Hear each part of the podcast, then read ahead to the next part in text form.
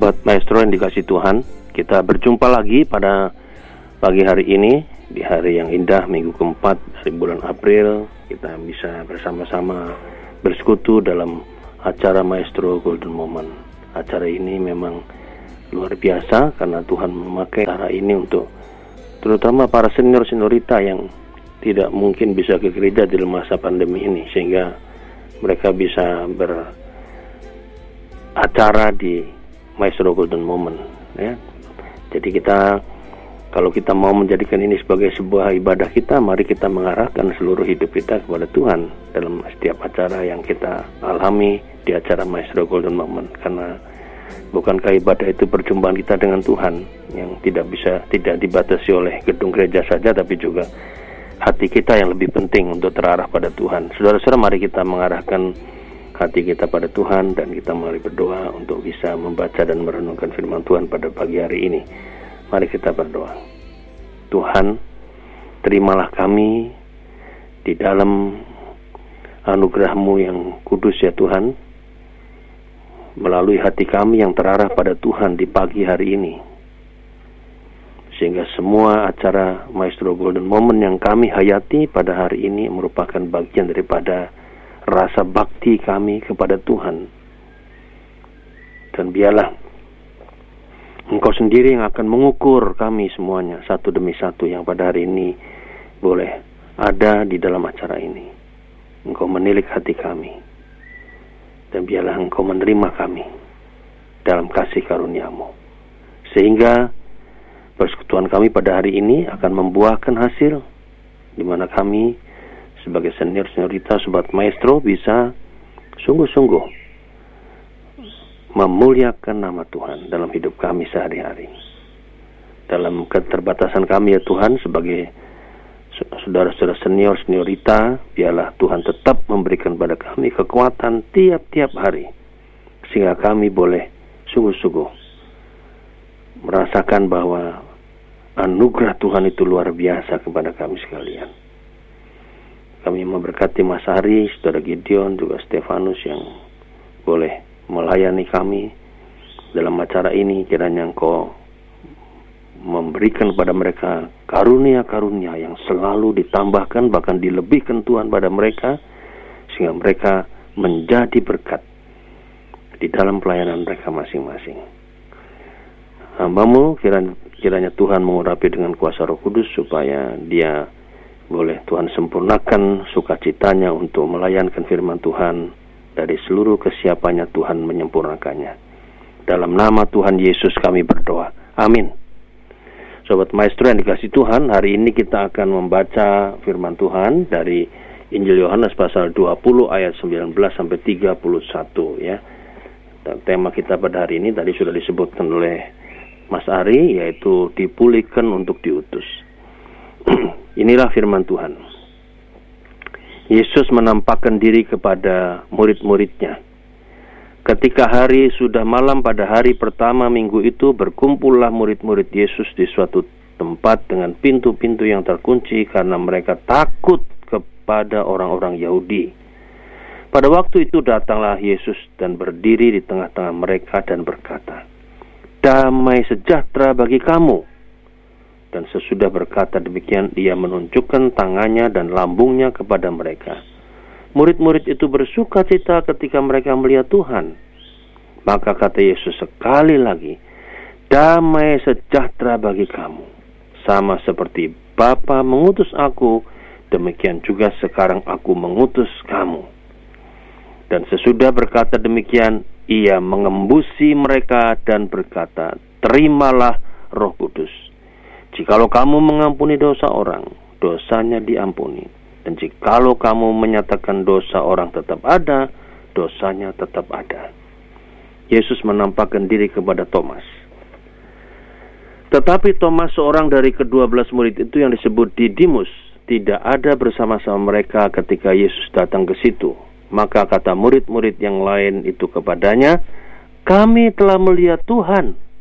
Tetapi Thomas berkata kepada mereka, "Sebelum aku melihat bekas paku pada tangannya Dan sebelum aku mencucukkan jariku ke dalam bekas paku itu dan mencucukkan tanganku ke dalam lambungnya, sekali-kali aku tidak akan percaya.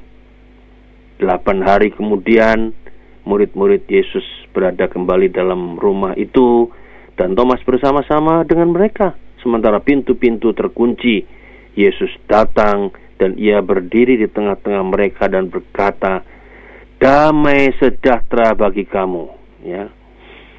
Kemudian ia berkata kepada Thomas, "Taruhlah jarimu di sini dan lihatlah tanganku, ulurkanlah tanganmu dan cucukkan ke dalam lambungku dan jangan kau tidak percaya lagi, melainkan percayalah."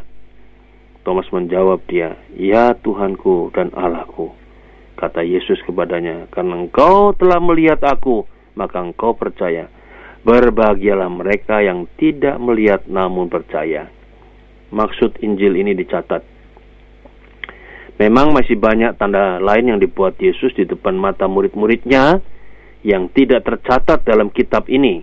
Tetapi semua yang tercantum di sini telah dicatat supaya kamu percaya bahwa Yesuslah Mesias, anak Allah, dan supaya kamu oleh imanmu memperoleh hidup dalam namanya.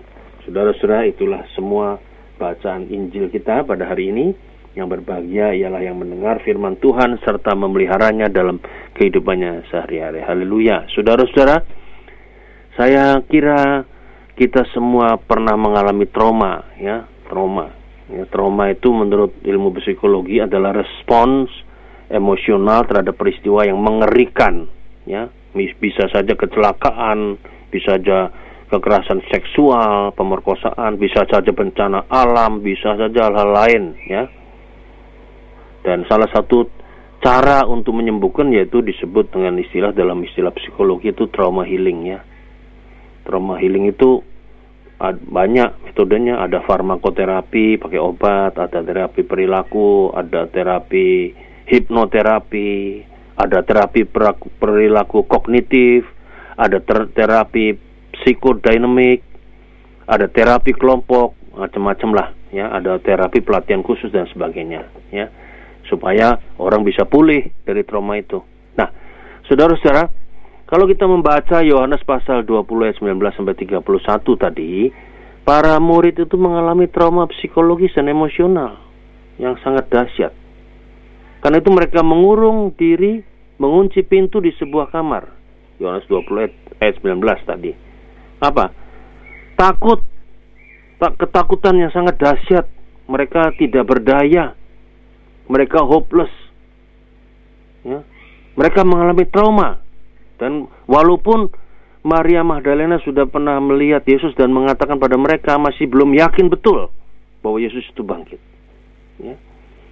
Nah, jadi mengapa bisa begitu? Ya karena mereka mengalami trauma, mengalami shock yang luar biasa, mengalami suatu peristiwa mengerikan bahwa Yesus gurunya itu guru yang baik ditangkap, diadili secara sepihak, disesah, dianiaya, dibunuh, disalibkan dengan cara yang biadab. Padahal Yesus tidak pernah salah, bukan penjahat Yesus. Jadi mereka itu mereka itu kemudian kehilangan harapannya. Mereka mengalami trauma yang sangat dahsyat, shock. Ya. Lalu frustrasi, karena apa? Yang mereka harapkan dari seorang Mesias ternyata tidak terbukti. Bahkan mengalami kekejaman yang luar biasa. Karena itu mereka mengurung diri.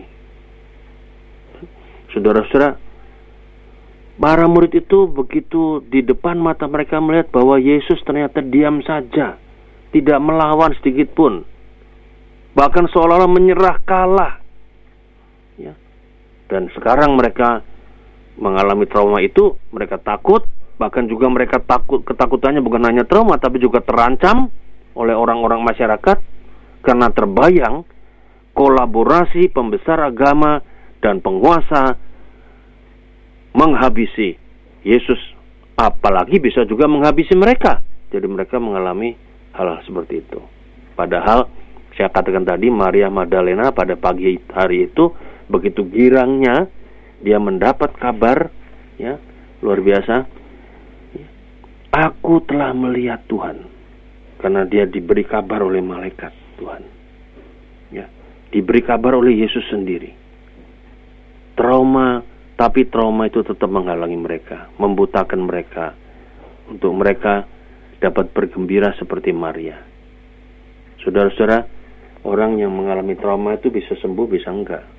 Kalau saya termasuk golongan yang cepat sembuh. Ya, dalam hidup banyak sekali trauma saya misalnya pernah nabrak truk dari belakang ya sampai mobilnya hancur ya tapi ya saya tetap nyetir juga bisa sampai sekarang ada yang tidak bisa ya.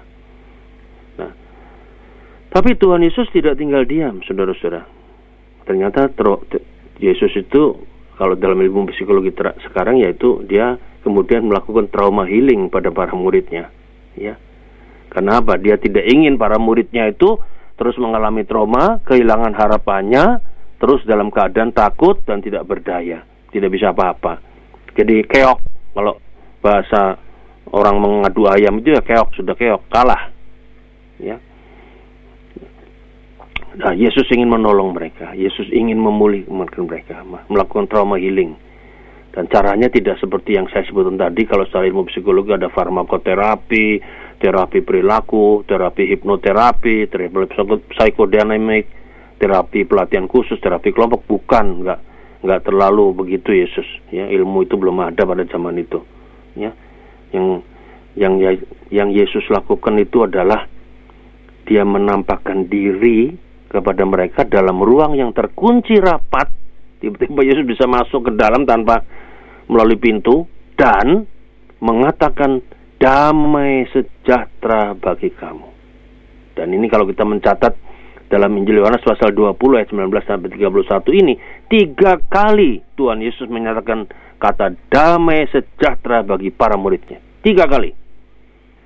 Bahkan ada satu kali dia menyatakan dia mengembusi para murid dengan Roh Kudus dan berkata terimalah Roh Kudus. Ya. ya. Ya, begitu kata Yesus tiga kali kata damai sejahtera. Dah, saudara-saudara, mengapa Maria Magdalena dan para murid tidak langsung mengenali Yesus? Yaitu kemungkinan besar adalah karena trauma yang dahsyat itu. Yang mungkin oleh Rasul Paulus disebut sengat maut, sengat dosa itu kuat. Ya, kuasa dosa itu. Sehingga mereka tertutup itu mata rohaninya untuk lihat itu. Nah, kemudian saudara-saudara untuk menunjukkan bahwa benar-benar yang hadir itu adalah Tuhan Yesus dan bukan hantu, ya. Ia menunjukkan tangan dan kakinya serta luka yang menganga pada lambungnya. Ya. Nah, pagi tadi padahal Maria mengenalinya pada saat namanya dipanggil dan kini malam hari para murid mengenalinya juga pada waktu ia menunjukkan luka-lukanya. Ya. Lalu ada peristiwa satu lagi di mana para murid para murid kumpul ada Thomas nah di situ juga Thomas kemudian baru sadar bahwa Yesus sudah bangkit ya tadinya dia sesumbar mau men, apa mencucukkan tangan ya ke tubuh Yesus tapi ketika Yesus datang inilah coba cucukkan kamu. Dan nggak berani Thomas. Menatap muka Yesus saja juga mungkin nggak berani. Hanya dia hanya mengatakan dia Tuhanku dan Allahku. Kata-kata yang penuh dengan iman itu. Ya. Saudara-saudara bukankah sering kali kita juga menjadi kecewa, frustrasi ketika harapan-harapan kita nggak terpenuhi, ya. Bukan kita sering kali juga mata rohani kita menjadi dibutakan dan kita sering kali merasa kehilangan iman ketika situasi yang tidak kita ingini terjadi pada kita, misalnya kepahitan hidup, pergumulan yang makin hari makin berat, beban-beban hidup yang merasakan tidak bisa kita pikul lagi, kita rasanya mau mati saja yang terbayang dalam hidup kita ya. Ya kita tidak mampu lagi melihat kuasa Tuhan yang sanggup melakukan apa pun yang sering kali kita nyata, nyanyikan ya ada nyanyinya kan itu? Allah kuasa melakukan segala perkara. Kita tidak mampu lagi melihat kuasa itu. Kita tidak mampu lagi melihat wajahnya. Wajah Yesus seolah-olah wajah Yesus itu nggak ada bersama kita. Ya. Tapi saudara-saudara ternyata peristiwa pada hari ini Yesus melakukan satu trauma healing yaitu pemulihan. Tuhan Yesus melakukan pemulihan pada para muridnya Damai sejahtera bagi kamu. Kata-kata itu yang pertama diucapkan Yesus. Ucapan ini bukan ucapan kosong. Seperti yang kita mengatakan shalom saudara-saudara. Oh, itu kadang-kadang kita nggak ngerti. Shalom itu apa? Kalau Yesus mengatakan damai sejahtera bagi kamu itu shalom bagi kamu. Ya. Gitu loh.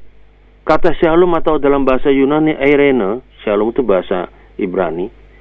Kata Irene bahasa Yunaninya adalah satu kata yang ajaib, yang indah, yang berasal dari Tuhan Yesus sendiri. Ya. Dia berkata, Irene, ku, ku berikan kepadamu. Yohanes 14 ayat 27. Ya. Itu dari awal sudah ada di Injil Yohanes. Lalu Yohanes 20 dibunyikan tiga kali oleh Yesus. Irene atau Shalom itu adalah perasaan tenang, tentrem, nyaman, yang penuh harapan, menembusi segala situasi dan badai, ya, betul-betul membuat peaceful heart, hati yang penuh dengan damai. Ya. Berbeda dengan damai yang diberikan dunia yang bisa berubah Hari ini damai, besok berubah jadi kecemasan. Hari ini damai, besok berubah kekhawatiran, kekhawatiran. Hari ini damai, besok berubah jadi ketakutan. Tapi kalau Erena ini tidak demikian, tidak berubah-ubah. Kalau Erena dari Yesus itu dikatakan damai sejahtera bagi kamu, itu kita para murid dibuat yakin, nothing can run my peaceful heart. Tidak ada suatu apa pun yang bisa membuat hati kita itu tidak damai. Tidak ada. Karena Yesus yang memberikan kata itu. Damai sejahtera yang diberikan Yesus bukanlah damai sejahtera yang diberikan dunia. Ya, damai sejahtera yang diberikan dunia itu damai sejahtera sementara. Ya, bisa berubah. Hari ini damai, besok berubah. Ya. Jadi damai sejahtera ini adalah damai sejahtera yang ada dalam hati yang mengalir dari kehadirannya Tuhan Yesus. Yesus hadir, ya. Kalau pakai bahasa perjanjian lama, Yehova Syama, Yesus ada bersama-sama. Ya. Bahasa Immanuel juga menyertai kita bersama kita. Yesus datang kepada para murid yang sedang trauma itu. Yesus melakukan trauma healing. Tidak, tidak trauma, tidak Irene atau damai sejahtera yang kosong. Ya, betul-betul Yesus datang melakukan trauma healing, pemulihan. Maka saudara-saudara lihat ya dari ayat-ayat yang kita baca tadi, Tuhan Yesus tidak mencela atau menghakimi mereka yang tidak setia. Seperti Petrus tiga kali menyangkal diri, kan nggak setia. Tapi tidak dicela. Tuhan Yesus tidak menghakimi yang mereka yang ketakutan. Kenapa kamu takut? Gak punya iman? Tidak. Ya.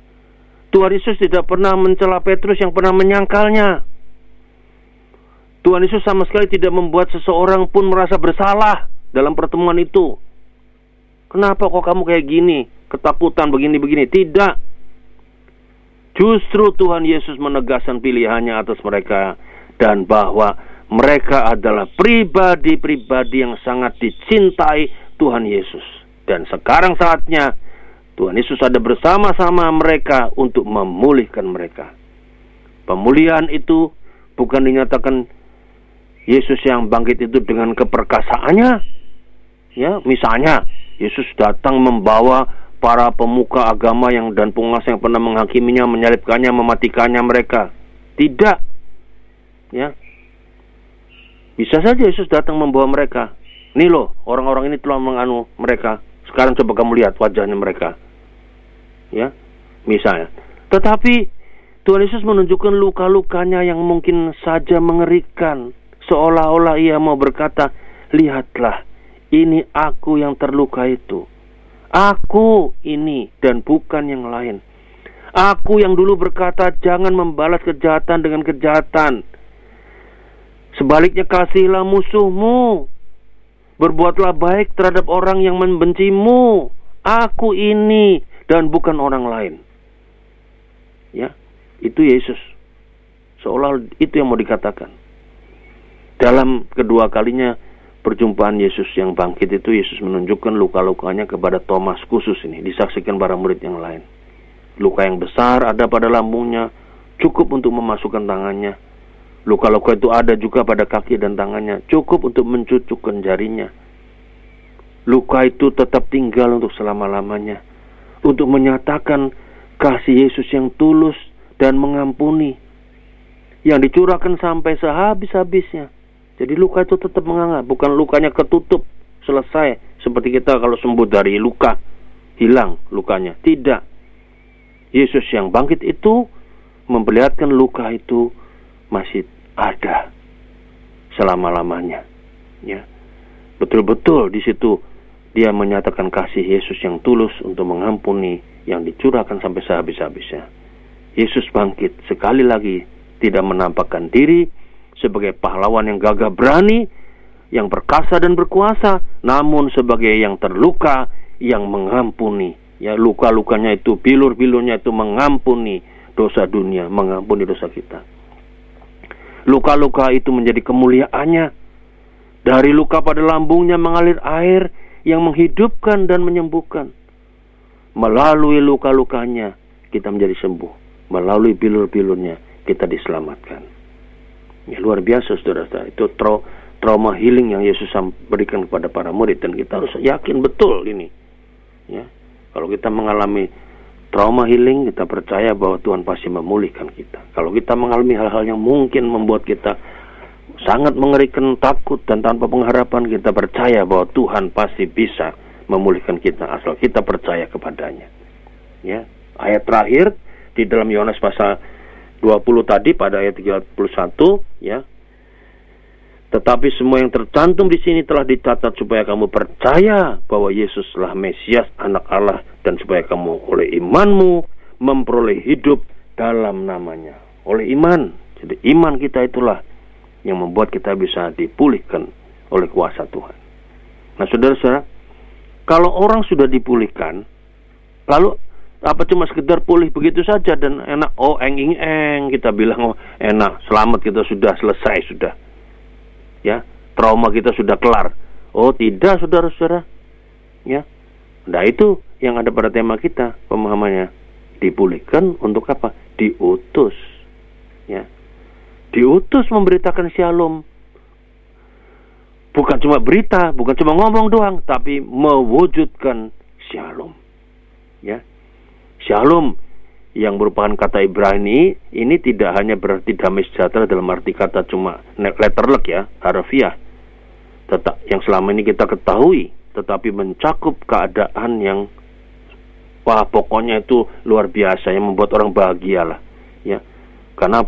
Kalau kita baca kita perjadian pasal 37 ayat 14, shalom itu adalah keadaan yang baik, tidak ada celaka. Kalau kita baca kejadian 43 23 itu adalah shalom itu adalah ketenangan batin, suatu ketentraman dalam jiwa kita. Kejadian 43 27 digambarkan shalom itu apa ya kesehatan kita. Dalam Imamat 26 ayat 3 sampai 6 digambarkan apa shalom itu proteksi atau perlindungan dari Tuhan pada kita. Dalam pasal 21 ayat 9 ya itu disebutkan keamanan, dalam Mazmur 122 ayat 6 disebutkan apa? Sebuah kemakmuran. Jadi kalau kita menyimpulkan shalom ini apa? Shalom ini berarti sempurna, utuh, sehat, damai, sejahtera, aman, sentosa, nyaman, tenang, harmonis, tidak ada gejolak, tidak ada perselisihan, tidak ada perpecahan, ya. Dan bagaimanapun juga di gereja kita masing-masing, ya, kita bisa percaya diri mengatakan shalom sementara masih ada banyak orang yang mengalami perpecahan, perselisihan. Itu berarti apa? Kalau kita mengatakan shalom, itu berarti kita mendoakan mereka. Ya.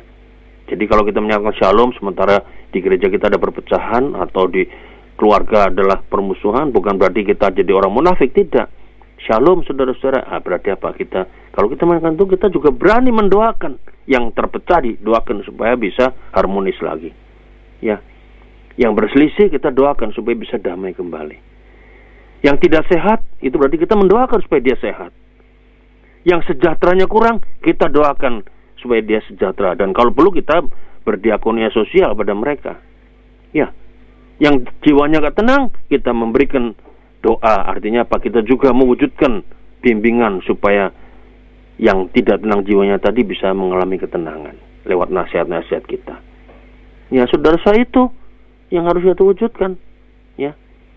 Jadi Tuhan Yesus menyatakan berbahagialah orang yang membawa damai karena mereka akan disebut anak-anak Allah. Itu kita mesti diutus mewujudkan shalom. Ya. Damai sejahtera, Irina. Ya. Karena dengan kita mewujudkan shalom berarti kita disebut anak-anak Allah. Ini luar biasa kata-kata Yesus ini.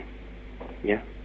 Saudara-saudara, kurang lebih tiga tahun di dunia, Tuhan Yesus itu terus-menerus memberitakan Injil Shalom, mengajar tentang Shalom, mengusir setan yang telah mencuri Shalom Allah atas manusia, menyembuhkan orang yang dari sakit penyakit sebagai salah satu wujud Shalom. Kini, saudara-saudara, sudah 2000 tahun lebih. Kerinduan Tuhan Yesus tetap sama, yaitu supaya Shalom damai sejahtera yang sejati itu dapat dinikmati oleh manusia yang dikasihinya, dikasihinya. Dan itu berarti apa? Kita yang dipakai Tuhan untuk itu. Maukah saudara dan saya boleh mewujudkan kerinduan Tuhan ini? Yesus rindu.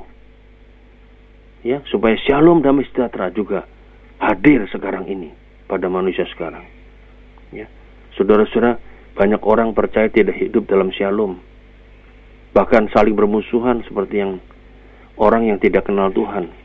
Negara-negara yang dipimpin oleh orang-orang percaya terus saja terlibat dalam peperangan dengan negara-negara lain. Kadang dengan sesama negara berlatar belakang Kristen yang sama. Ya. Tidak hanya di partai politik. Ya. Tapi juga saudara-saudara di negeri mana pun yang bernafaskan kekristenan. Kadang-kadang nama yang dipakai Kristen tapi sebetulnya tidak ada sama sekali perwujudan shalom untuk mereka. Saudara-saudara, kita memiliki kata-kata yang indah yaitu shalom, damai sejahtera. Dan dan ketika kita menyatakan shalom itu kita dipimpin oleh pemberita shalom yang orisinal yaitu Tuhan Yesus sehingga saudara-saudara itu berarti kita selalu membawa damai di mana pun kita berada. Ya. Jadi saudara-saudara kalau kita kalau lihat kita lihat kenyataan apa yang terjadi bukan hanya di dunia sekuler di organisasi organisasi gereja pun juga banyak kelompok-kelompok tandingan ya di rumah tangga Kristen juga mungkin terbilang banyak terjadi perpecahan bahkan sampai keadaan yang perceraian tidak ada shalom di situ, ya. Kira-kira begitu. Sudah lihat tingkat apa namanya perpecahan di keluarga antara suami istri itu atau kita sebut dalam bahasa yang langsung yaitu perceraian itu kalau boleh dikatakan tertinggi sekarang ini tinggi sekali ya dan di Indonesia saudara-saudara tahun 2016 itu termasuk termasuk angka tertinggi perceraian. Satu jam itu kira-kira 40 orang bisa pecah. Tidak ada shalom di rumah tangganya. Ya. Satu jam. Nah, saudara-saudara, ya di sini kita sebagai orang percaya perlu mem mewujudkan shalom. Bukan cuma ngomong doang. Ya. Kita yang sudah betul-betul percaya menerima Tuhan Yesus, kita yang betul-betul sudah dipulihkan Tuhan Yesus, itu ya oleh bilur-bilurnya kita mengusahakan mengerjakan mengerjakan dan bahkan mewujudkan shalom di dunia ini di mana Tuhan menempatkan kita. Ya, maka komunitas-komunitas shalom itu akan menjadi kesaksian akan Yesus, sang raja shalom, ya. Raja shalom yang orisinil ya. karena dia yang bisa memberikan damai sejahtera buat kita. Saudara-saudara, kita mungkin bertanya, ini ngomong gampang Pak Yahya nih, gimana caranya sih? Ya, Saudara-saudara, perjuangan mewujudkan damai sejahtera di dunia dimulai dari apa? Usan diri kita di rumah tangga kita masing-masing. Ya. Usaha mendamaikan keluarga dimulai dari ya mendamaikan. Ya. Mendamaikan dan terutama para ibu-ibu perempuan, perempuan harus menjadi pembawa damai. Dalam bahasa Mandarin kata an yang berarti ya damai sejahtera itu terdiri dari dua bagian. Atap dan perempuan menurut orang Cina dalam sebuah rumah ada akan ada damai jika dalam rumah itu ada seorang perempuan. Nah itu luar biasa. Perempuan membawa damai. Itu sebabnya dalam bahasa Mandarin ditulis an. Karakter Mandarin yang di atas dibaca sebagai atap, sementara karakter yang di bawah sebagai wanita. Sehingga kalau digabungkan dapat diartikan kedamaian di rumah tergantung dari seorang wanita. Ya. Namun sebenarnya kita semua egois. Ya, kalau cuma diletakkan bahwa pembawa damai itu hanya perempuan. Ya, makanya saudara-saudara karena itu terjadi apa? Ya, damai itu enggan menghampiri keluarga kalau cuma cuma diletakkan pada perempuan. Tapi Yesus berkata lain ya. Kan tadi kan saya bicara dalam bahasa Mandarin, tradisi orang-orang Tionghoa. Tapi kalau dalam tradisi Alkitab, menurut Alkitab, ya para laki-laki pun juga harus menjadi pembawa damai. Ya. Jadi kita harus bisa laki-laki mesti bisa melepaskan ego. Maka kenapa di dalam Alkitab kalau dibicara pernikahan laki-laki dan perempuan itu harus saling merendahkan diri satu sama lain. Saudara baca kitab Efesus misalnya, di sana ada. Ya. Merendahkan diri satu, saling melepaskan ego, melaksanakan firman Tuhan sehingga seperti yang dikatakan dalam surat Ibrani pasal 12 ayat 14 yaitu apa? Berusaha hidup damai dengan semua orang. Ya, semua orang itu laki-laki dan perempuan. Jadilah penjaga perdamaian. Karena semua orang yang sudah percaya pada Yesus itu lebih berharga daripada pahlawan perang kalau bisa menjadi pembawa-pembawa, pewujud-pewujud shalom atau damai sejahtera. Orang yang suka membawa damai menyaksikan pada dunia bahwa ia memiliki Tuhan di hatinya dan menjadi teladan bagaimana dia menjadi alat-alat perdamaian di tengah-tengah dunia, di tengah-tengah kehidupannya. Damai, saudara-saudara, shalom bukan berarti tanpa gelombang dan badai. Shalom berarti tetap melangkah dengan tenang saat badai gelombang sedang menerjang. Kenapa? karena kita tuh punya Tuhan yang betul-betul memulihkan kita ya selamat diutus oleh Tuhan Yesus untuk menjadi pembawa-pembawa shalom. Karena kita sudah dipulihkan Tuhan. Amin